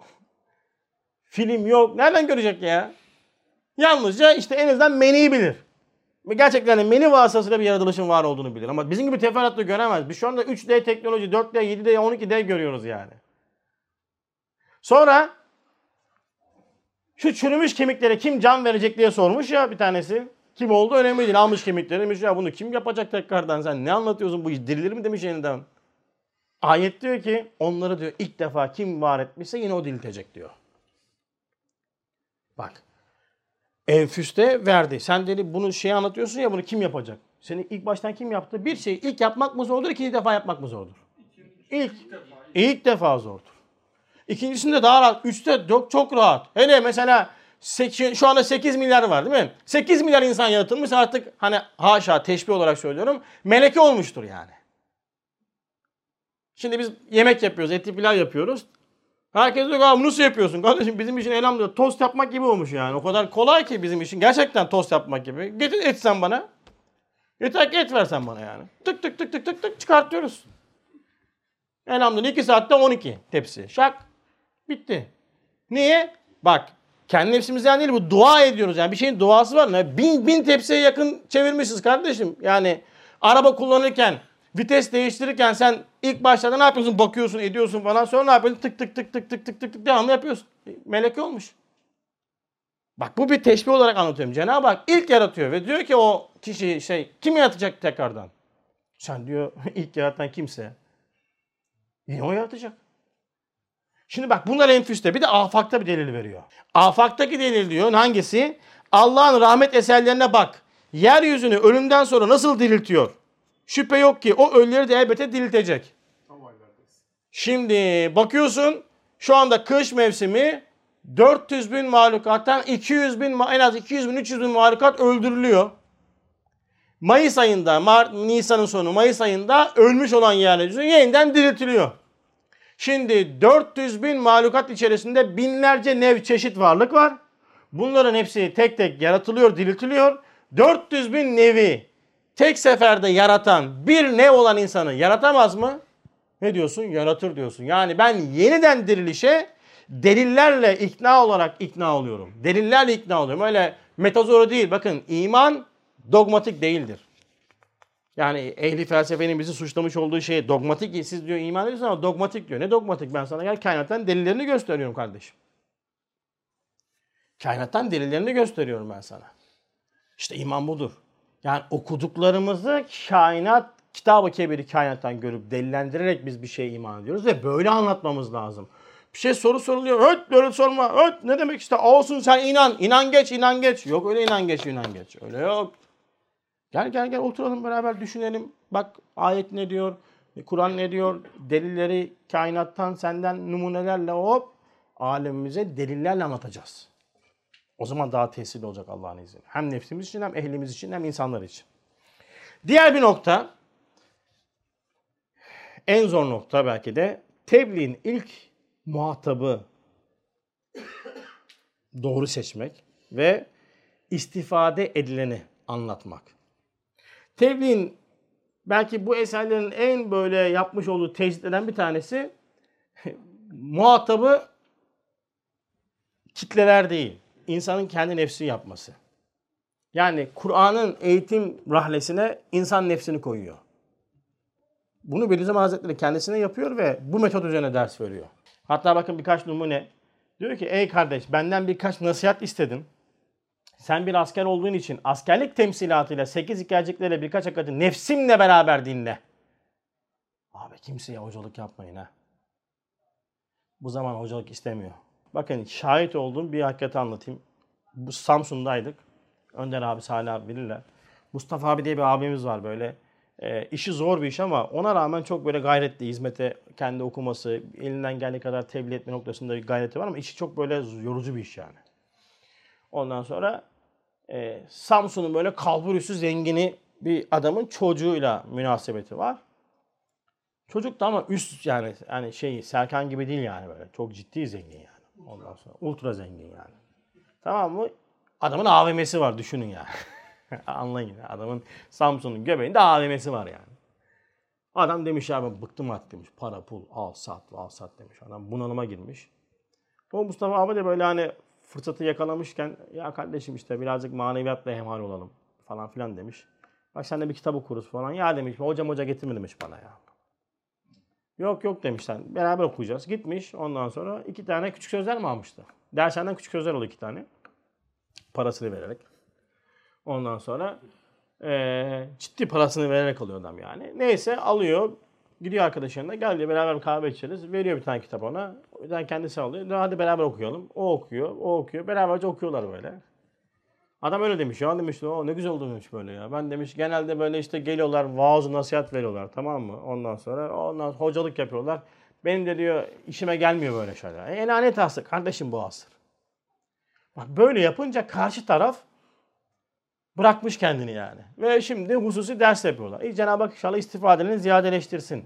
Ne demek bu? Yani karşı tarafa hocalık böyle. İşte ben hocayım sen de talebesin. Mürit şeyh ilişkisi değil. Biz tarikat değiliz yani. Tarikatta bu usul var ama bizim usulümüzde bu yok. Biz abi kardeş oluruz, ders arkadaşı oluruz, beraberce konuşuruz ama önce nefsimizle beraber, önce nefsi koyacağız karşımıza. Bak yine başka bir yerde aynı minvalde söylüyor. Madem diyor nefsim emaredir, nefsini ıslah etmeyen başkasını ıslah edemez. Öyleyse ben diyor nefsimden başlarım. Yani bu ne demek bu? Bizim bu zamanda yapacağımız yegane hakikat, en büyük tebliğ nefsimize değil ve nefsimizi ikna edeceğiz. Bakın nefsi ikna eden bir hakikat karşı tarafı ikna eder. Sen ikna olmamışsın ki sen inandırılmışsın.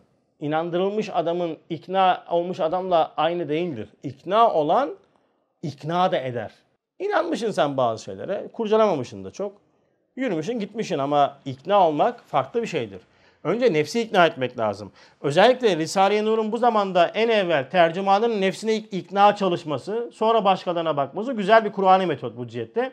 Elbette diyor nefsi emanesini tam ikna eden, vesvesesini tamamen izale eden bir ders gayet kuvvetli ve halistir ki bu zamanda cemaat şekline girmiş dehşetli bir şahsı manevi delalet karşısında tek başıyla galibane mukabele edebiliyor.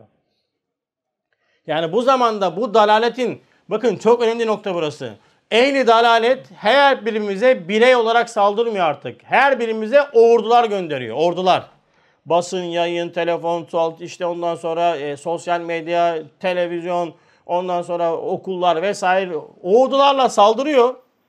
Buna mukabele gelmek için önce kendi nefsini mutlaka ikna etmen lazım. Çünkü insanın en büyük düşmanı nedir? Nefsidir.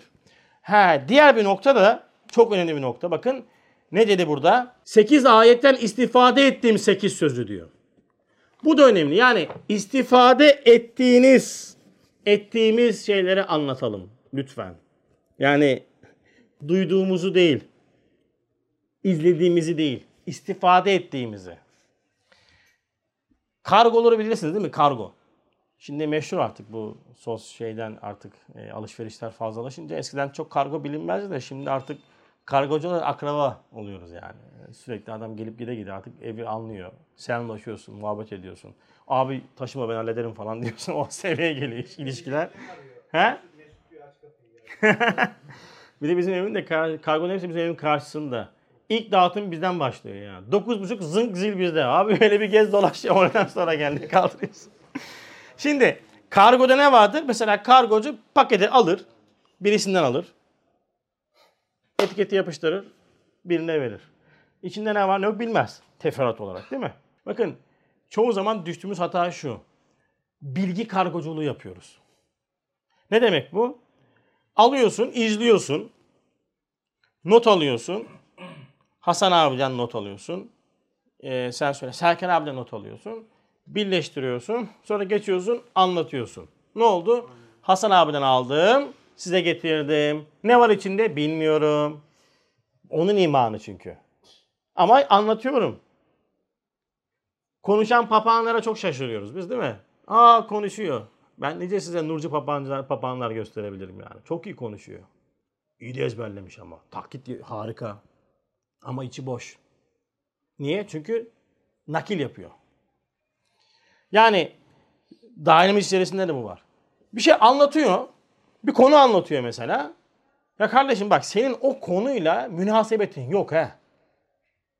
Mesela bir örnek vereyim mesela Miraç. Miraç meselesi. Çok ağır bir konudur yani. Bak, Çok ciddi birikim ister. Çok ciddi bir tefekkür ister. Bak kendi adıma konuşayım.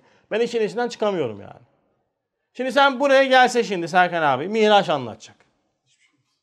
Almış Hasan abinin Miraç'ını dinlemiş. İsmail abinin Miraç dersini dinlemiş. Osman abininkini dinlemiş. Ehadiyet. Samediyet. Sen de dinliyorsun. Ne güzel. Kardeşim kaç senelik bir çalışman var? Kaç kere okudun bu mevzularla ilgili? Hiç.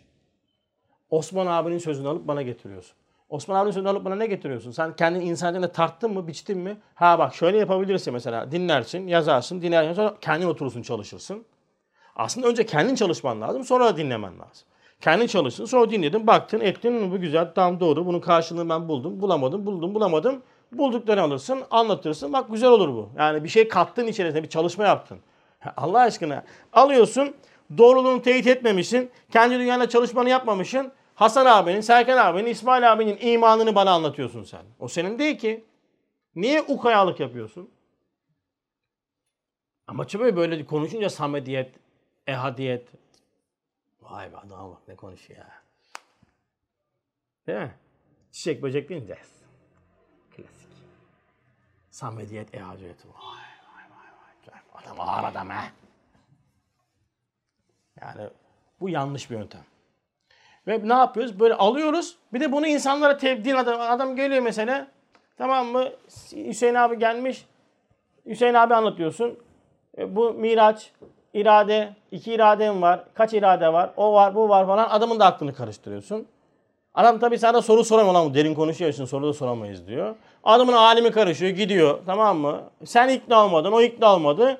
Ee, yavaş yavaş küfür tohumu ekiyor. Adam yani bir gün bak dinsiz olsa ne olur? Lan adam bana iradeyi sordu. Ben de iradeyi gerçekten de irade irade görmedim. Zaten bu işler palavraymış falan. Hop çıktı dinden. Ne olacak? Hayır, mesele mi kalmadı yani? Niye bilgi kargoculuğu yapıyorsun? Niye kargoculuk yapıyorsun kardeşim?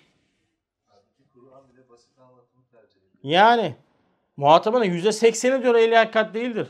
Yüzde yirmilik ve eli böyle bu hakikat o yüzde yirmilik kesimde. Yüzde yirminin de yüzde yirmisi bu hakikatler o kadar derinlemeye uğraşamaz. Az insandır. E ne yapacaksın kardeşim? Fark etmez. Uğraş anlat öpeyim başıma koyayım ben seni. Ya 7 sayfa 10 sayfa kitap okuyamıyorsun. Gelmişsin bana Miraç'tan dem vuruyorsun. Kusura bakma dinlemem ben seni yani. Hiç kusura bakma ben dinlemem. Yani anlatırsan da böyle dinlerim yani. Saygı, hakikate saygısız olmasın diye. Hiç dünyama girmez çünkü. Yok ki 7 sayfa 8 sayfa kitap okuyamıyorsun sen. Bö- Vaziyetin belli. Ama böyle yükseklerde konuşanların yanında durunca yüksek olduğumuzu zannediyoruz biz. Geçmez yani malumat furuşluk oluyor abim. Yani karşı tarafa aktaramıyoruz. Bu sefer tesir de olmuyor. Zarar da veriyoruz. Bu sefer böyle uç konularla böyle tahkik üzerine gitmeyince de hem tebliğ eden kendini kandırıyor hem tebliğ edilene zarar vermiş oluyoruz. Evet bir metot daha söyleyelim. Ahirete göre ve ahiretli yaşam metodu. Özellikle Erkan-ı İmaniye'nin zayıfladığı bu dönemde bizim yaptığımız bir hata da şu maalesef. Din hakikatini yalnızca karşılığını ahirette göreceğimiz hakikatler olarak anlatmak. İşte namaz kıl cennet sana verilecek. İşte bu ya bunu kılmazsan cehennemde yanacaksın falan. Hele böyle dünyanın çok cazibeder güzelliklerin revaçta olduğu, peşin ücretin talip olduğu bir zamanda böyle kimsenin de çok cennet falan arzuladığı falan da yok ya size söyleyeyim yani. Mesela eskiden olsa adam cenneti hayal ediyordu. Gerçekten yokluk içerisinde hani vaat edilen cennet var. Tamam mı? Bak haşa sakın yanlış anlamayın. Cenneti küçümsediğimden falan değil ha. Ama anlatılan cennet tasvirlerini bu dünyada ona yakınlarını yaşayan insanlar var. Ben onu söylüyorum yani. Keyfi yerinde. Adamın keyfi yerinde mesela tam huri diyorsun da sen adam zaten din diyen çok adam da yani bir sürü kendi dünyasında karşı cinsle görüşüyor, ediyor. Huri misal diyor. Tamam bak yaşıyorum diyor. Sen diyor bir anda her yerde olacağım bak uçağım var. Binim uçağa gidiyorum diyor. Adam var benim diyor. Adamın adası var ya. Ada ada ya. Biz ev alamıyoruz adam ada almış yani. Şimdi sen bu adama kardeşim altından ırmaklar akan cennet falan desen yani şimdi böyle olunca şimdi tabii bunların hepsini içerisini çok doldurduğumuz zaman yani insanın gerçekten de hani karşısında bu değil yani. Ama bak Bu seviyede bir anlatımla işte bu sefer adam diyor ki yani senin hayal ettiğini ben yaşıyorum zaten diyor. Ne yapmamız lazım o zaman? İşte din ve fıtrat ilişkisini iyi kurmamız lazım ve dini hayatın içerisinde karşılıkları olan şey e, bir hakikat olduğunu göstermemiz lazım. Yani cennetin ve cehennemin bu dünyada karşılığının olduğunu göstermemiz lazım. Cennet ve cehennemi burada görecek adam. Cennet ve cehennemi ahiretli yaşayacak. Ahirete göre değil bak. Ahiretli yaşayacak. Ne demek bu? Bakın bu zamanda Risale-i Nur Kur'an'dan almış olduğu derste bu metodu takip ediyor. Nasıl takip ediyor? Diyor ki Kur'an hakimin sırrı icazıyla yani mucizelik bir yönüyle hakiki bir tefsir olan Risale-i Nur bu dünyada bir manevi cehennemi, manevi cehennemi dalalette gösterdiği gibi imanda dahi dünyada manevi bir cennet bulunduğunu ispat ediyor. Ve günahların ve fenalıkların ve haram lezzetlerin içinde manevi elim elemleri gösterip hasenat ve güzel hasletlerde ve hakaik-i şeriatın amelinde cennet lezayeti gibi manevi lezzetler bulunduğunu ispat ediyor. Yani sen dine muhalefet hareket ettiğinde, dini yaşantının içerisinde girmediğinde, dine tabi olmadığında sen cehennemi de burada yaşıyorsun. Bak mal mülk seni tatmin etmiyor. Arayışın var. Niye tatmin olmuyorsun? Niye mutlu olmuyorsun? İşte sana din mutlu olmayacağını anlatıyor. Bak dinin doğruluğu buradan anlatılır. Cehennem dediğin şeyi burada yaşıyorsun. Bak cehenneme halet içerisindesin. Kendini uyuşturup uyuşturup duruyorsun. Dine muhalefet hareket ettiğinde sen bu dünyada manevi cehennem azabını yaşayacağın yerler hapishanelerdir, mezaristandır işte, sefahathanelerdir. Değil mi? Git diyor kabristandan sor, hapishaneden sor, meyhanelerden sor, sefahathanelerden sor. Gidin psikolojik danışma merkezlerine gidin. Bu insanlar neden bu haldeler diye sorun bakalım. Hepsinin yerine, keyfi yerinde. Niye 6 ay evli duramıyor adam? 2 senede bir karı değiştiriyor, işte erkek değiştiriyor. Niye? Ya ne arıyor bu? Belasını mı arıyor? Hani çok mutluydu, çok da parası vardı. Bu değil işte. Manevi cehennem bu işte. Din seni bundan kurtaracak.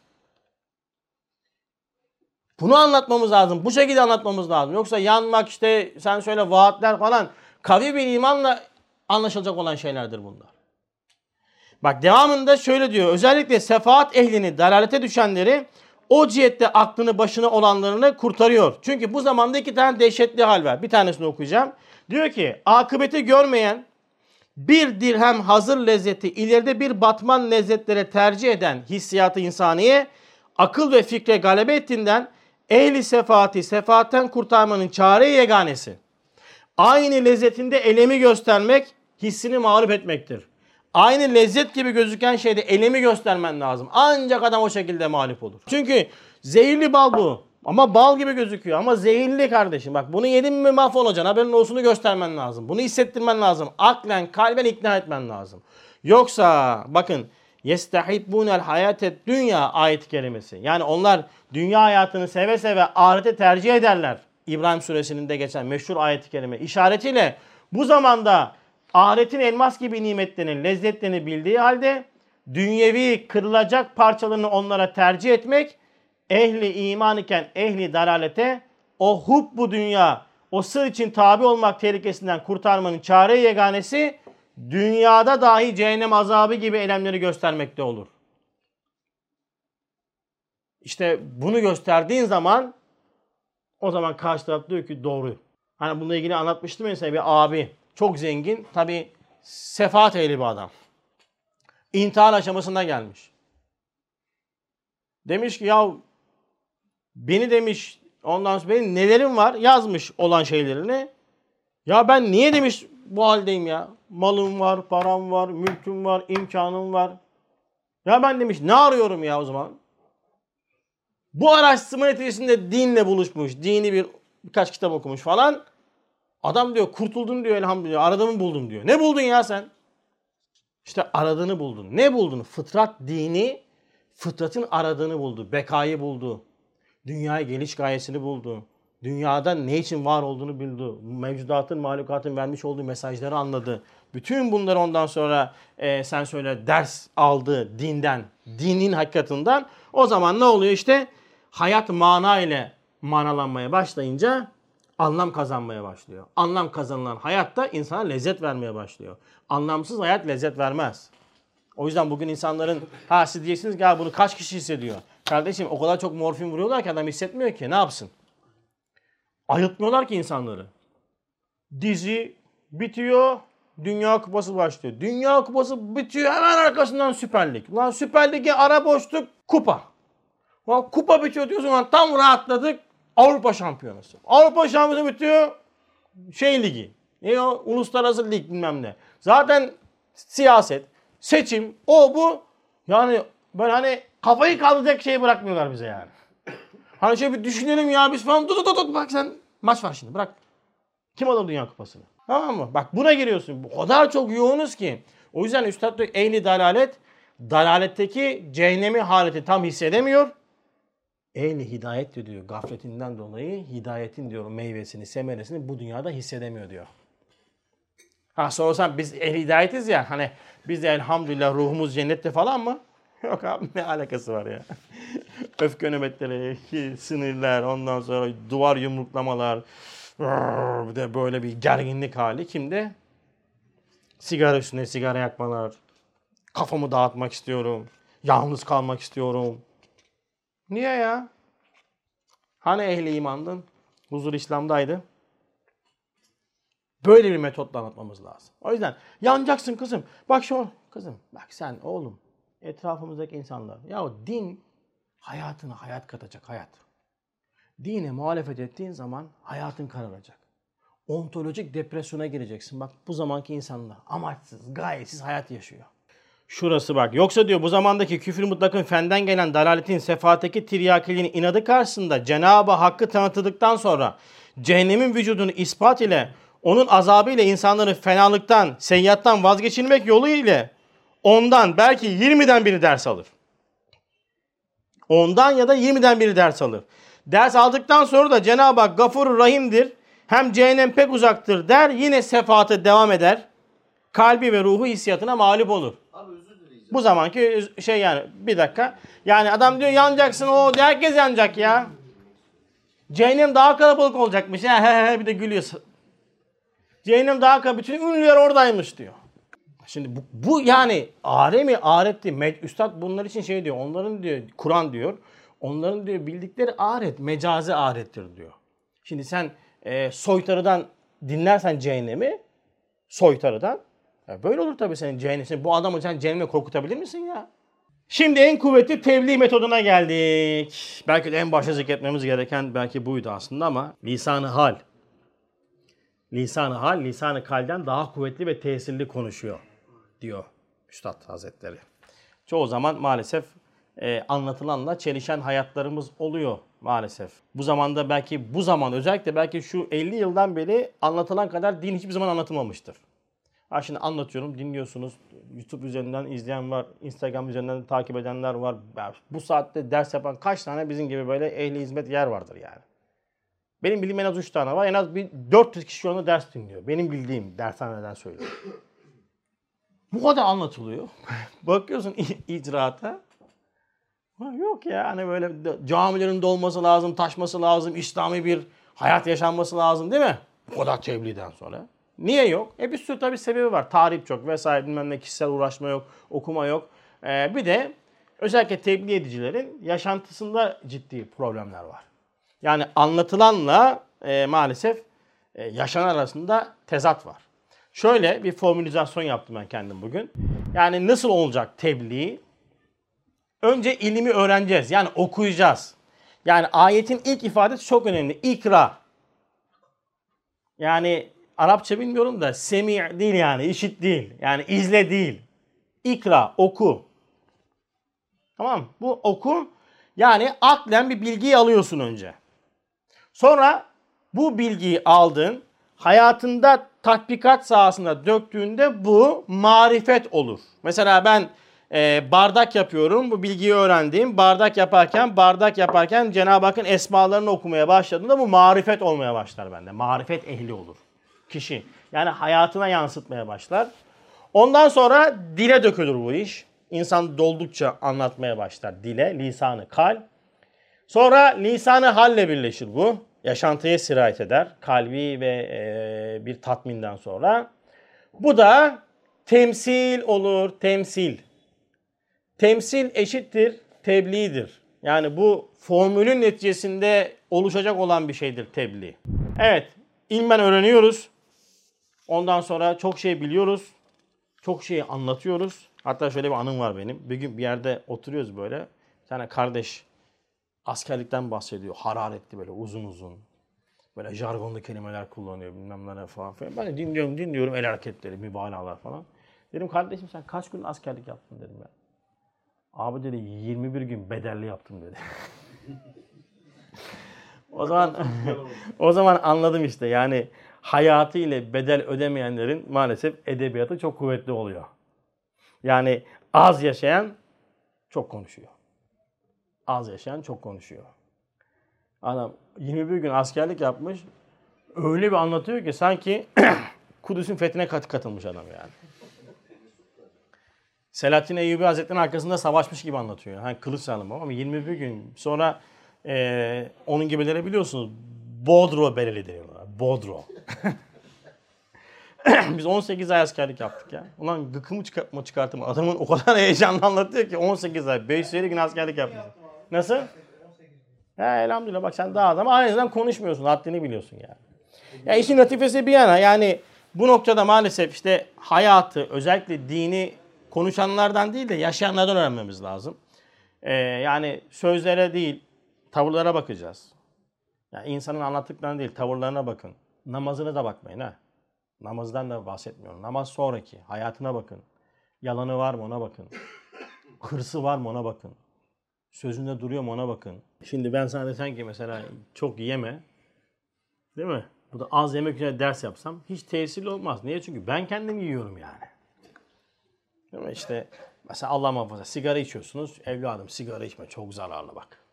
Tesir eder mi? Sen içiyorsun yani. O yüzden yani söylenenlere değil yaşantıya bakacağız. Bugün en çok ihtiyacımız olan şey çok iyi konuşanlardan ziyade çok iyi yaşayanlar. Yani sorunumuz tebliğ değil abiler, temsil. Temsilde büyük problemimiz var. Temsilde büyük problemimiz var. Yani Müslümanca yaşantı birazcık uzak. Üstad Bey Şamide söylüyor. Biz diyor İslamiyet'in güzelliğini, doğru olan İslamiyet'i, İslamiyet'in doğruluğunu fiillerimizle, halimizle göstersek sair dinlerin diyor. Etbaları fevç feç. Topluluklar halinde İslam'a dahil olacaklar diyor. Bu manada bir yer geçiyor. Yani ee, o yüzden anlatmaktan çok yaşamalı. Lisanımız halimize ders vermeli. Çocuklarımıza, ehlimize, etrafımızda. Yani kendin elinde kumanda düşmeyen bir adam olup çocuğuna kitap oku dersi veremez. Kendi namazda gevşek olup da çocuğuna namaz dersi veremez.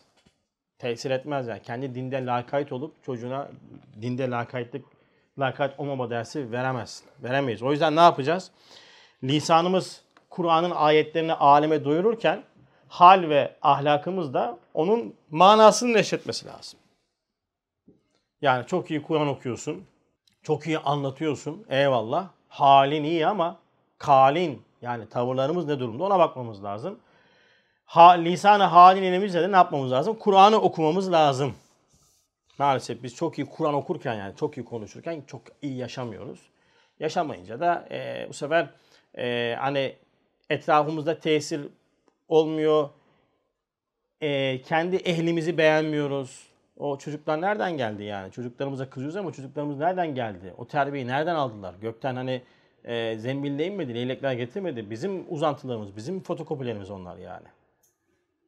Niye? Anne babanın özellikle bakın anne baba, e, özellikle anne. Şimdi böyle deyince feminist kadınlar hemen bana saldırıyorlar. İşte hep anne atıyorsunuz, hep anne atıyor. Kimi atayım? O fıtrat kanunundan bahsediyorum. Ben demiyorum ki üstad diyor, ona kızın yani. Bana ne kızıyorsunuz? Yani anne yük atmak değil, anne en çok muhatap olan kişidir çocukla.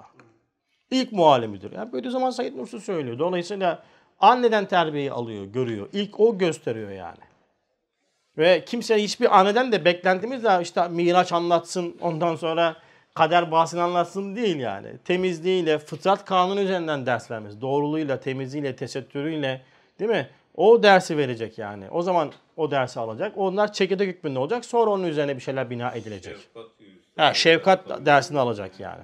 Yine önemli bir metot. Korkuya dayalı değil, sevgiye ve şefkate dayalı tebliğ yapmamız lazım. Yani çocuklarımıza Allah çarpar, Allah yamultur ondan sonra e, işte kendimize, etrafımıza böyle insanları e, böyle Allah korkutan böyle haşa ve haşa narsist bir e, Allah tanıtımından uzak durmamız lazım.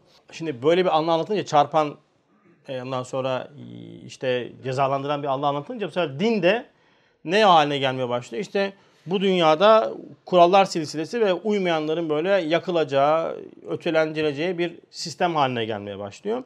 Yani üstad bu çok yanlış bir yöntem. Risale-i Nur'da mesela bakın şöyle bir şey göstereyim size. 28. sözü okumuşsunuzdur. Programda öndesiniz siz çoğunuz. Ben 15 sayfa gerideyim. Ee, şimdi 28. söz cennet bahsi anlatılır. Risale-i Nur'da cehennem bahsi şu kadar geçiyor. Göstereyim kolum maşallah kitap da elhamdülillah celali yani. Şu kadar. Şu. Ve bu cehennem anlatımında azap bulamazsınız. Ama yegane bir azabı anlatıyor. Şefkatten mahrumiyeti anlatıyor. Adem, yok olmak, yokluk acısını anlatıyor. Hatta bir şey anlatıyor. Onu yanlış söyledim. Ee, yok olmamanın da bir rahmet olduğunu, cehennemin de rahmet yönünü anlatıyor. Bak çok enteresan bir üslup ve yöntemden bahsediyoruz. He. Şimdi diyeceksin ki abi yani Kur'an'da yok mu ya azap ayetleri, hadiste yok mu? Var var. Var da ne kadar var? Ne kadar var? Bak şimdi bir örnek vereceğim size. Yemek. Bunu bir kuzu tandır olarak düşünün. Ağzınızın suyu aksın. Kuzu tandır. Tamam. Şimdi yemeğin içeriğine bakıyoruz. Kuzu tandırda %30 et var, %10 yağ var, %10 baharat var, %30 sebze var, %10 su var, %7 sos var, %2 tuz var, %1 acı var. Şimdi sen kuzu tandırı yediğinde yalnızca %1'lik acı kısmına odaklanırsan ve kuzu tandırı öyle anlamlandırırsan sen kuzu tandırdaki rahmeti inkar etmiş olursun. Yok mu acı? Var. Kaç var? Yüzde bir var. Babam sen yüzde biri niye anlatıyorsun ki? Yüzde bir aslında o yüzde 99 içerisinde onu tamamlayan bir etken bir noktadır yani. O da lezzetlidir. Cenab-ı Hak bize bakın Kur'an-ı Kerim geçmiş tarif olan dinlerin aksine din hakikatini Rahman ve Rahim üzerine inşa eder. Yani korkudan ziyade Allah kavramının, Allah itikadının yanına Rahman Rahim'i koyar. Şefkati koyar, merhameti koyar. Yani der ki korkuya dayalı değil, rahmete dayalı bir itaat. Rahmetin farkındalığına dayanmış bir itaatten bahseder. Buna üstad çok güzel bir ontolojik zeminde bunu anlatır bize. Yani varlık üzerinden anlatır. Ne demek o? Anne ile çocuk ilişkisi üzerinden anlatır. Yani bir yaşındaki çocuğun aklı bulunsa ve ondan sual edilse en leziz, en tatlı haleti nedir? Belki diyecek acizimi, zaafımı anlayıp validemin tatlı tokadımdan korkarak yine validemin şefkatli sinesine sığındığım halettir. Yani çocuğu olanlar bilir. En azından yeğenleriniz falan görmüşsünüzdür. Çocukla anne ilişkisi mükemmel bir ilişkidir. Yani gerçekten de annelik çok farklı bir kavram. Çok acayip bir vasıf. O yüzden çok değerli yani. Çocuk üzerinden bunu böyle çok net görüyorsun. Şimdi sabah bizim hanım Süleyman'ı paspallıyor böyle. Ben de izliyorum şimdi.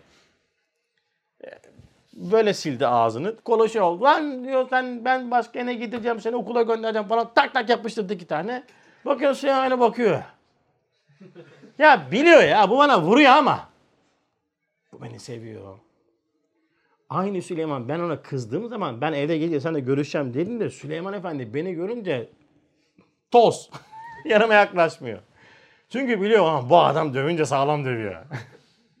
Bak anne şefkati böyle bir şey işte. Yani Cenab-ı Hakk'ın e, sen söyle şefkatinin varlık sahasında en net gözüktüğü saha anneliktir, valideliktir. Şimdi ya ne yapıyor bak çocuk? Diyor ki beni dövse de beni seviyor diyor ya. İşte abiler dinin anlatmış olduğu korku bunun gibidir işte budur. Yani bizim anlayacağımız şu ya rahmetten mahrum kalmayalım. Nasıl ki çocuk annesinin tokadından yine annesine sığınıyor.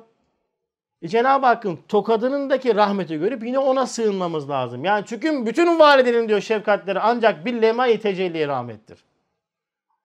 Ama sen yok çarpar, yok senin şey yapar ondan sonra e, sen böyle olursun, böyle olursun.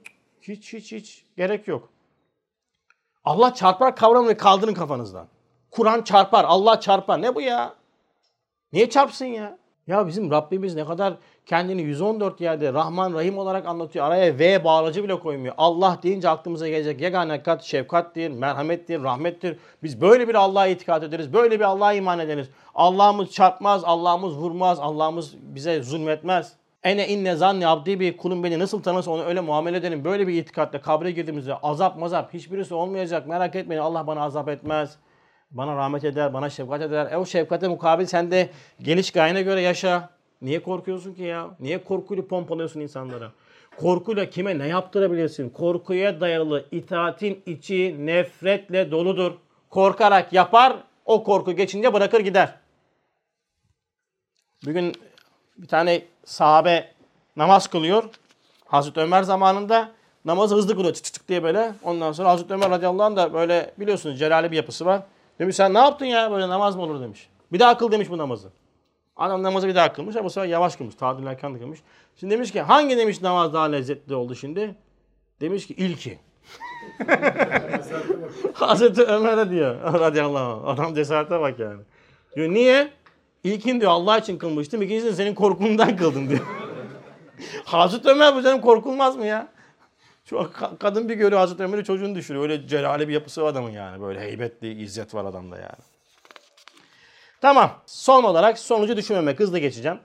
Yani yaptığımız tebliğde sonucu düşünmeyeceğiz ve ihtiyarı elden almayacağız. Ne demek bu? Tariki hakta çalışan ve mücadele edenler yalnız kendi vazifelerini düşünmek lazım. Gelirken Cenab-ı Hakk'a ait vazifeyi düşünüp harekatını ona bina ederek hataya düşerler. Şimdi ben ders anlatacağım. Dinlerler mi, dinlemezler mi? Beni alakadar etmez abiler. Ben bununla mükellefim. Bunlar el, el yazısıdır. Bunlar söyleyeyim bilgisayar yazısı değil. Çalıştım mı? Çalıştım. Anlattım mı? Anlattım. Ya uzun olmuş, çok uzattı, beğendim, istifade ettim. Hiç beni bağlamıyor abiler. Yani derse bana arkadaşlara, kardeşlere de anlatmaya çalışıyorum. Sakın ha böyle millet ne der, millete göre konuşayım, süslü laf kullanayım falan filan hiç uğraşmayın. Siz istifade edin. Sizin istifade ettiğinizden herkes istifade eder. Zaten millet istifade edip ettirmemek bizim vazifemiz değil. Bize düşmez. Bize düşen ancak tebliğdir değil mi? Yani biz anlatıp anlatıp anlatıp anlatıp insanlara kabul ettirmek diye bir acip bir gayemiz var. Böyle bir şey yok. Bakın ayetin ifadesi değil mi? Ee, sana düşen diyor ancak tebliğdir ve sen diyor sevdiğin kimseyi hidayete erdiremezsin. Ancak Allah'ın dilediği ne hidayet verir. Sen yaşarsın, temsil, tebliğini yaparsın elinden geldiği kadar. Yaşantında, halinde, kalinde. Sonra sen bu kadar anlattın çocuğun, e, kendin, çocuğun, e, etrafındakiler imana gelmediler. Olabilir. Peygamberin hamın, hanımı iman etmemiş, çocuğu iman etmemiş. Canımız yansa da diyeceğiz ki tamam ne yapacağız?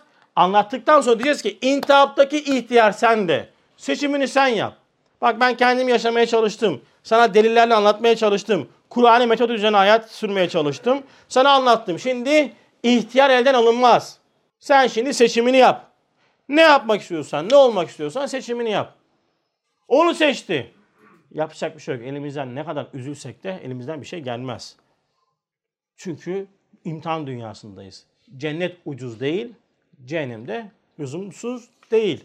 Bize düşen istikametli bir tebliğdir. Cenab-ı Hak inşallah bu istikameti tebliğ, lisanı hal ve lisanı kalle hayatımıza tatbik etmeyi nasip eylesin. Subhaneke la ilme lena illa ma allemtena inneke entel alimul hakim ve ahru davahum elhamdülillahi rabbil alem el Fatiha.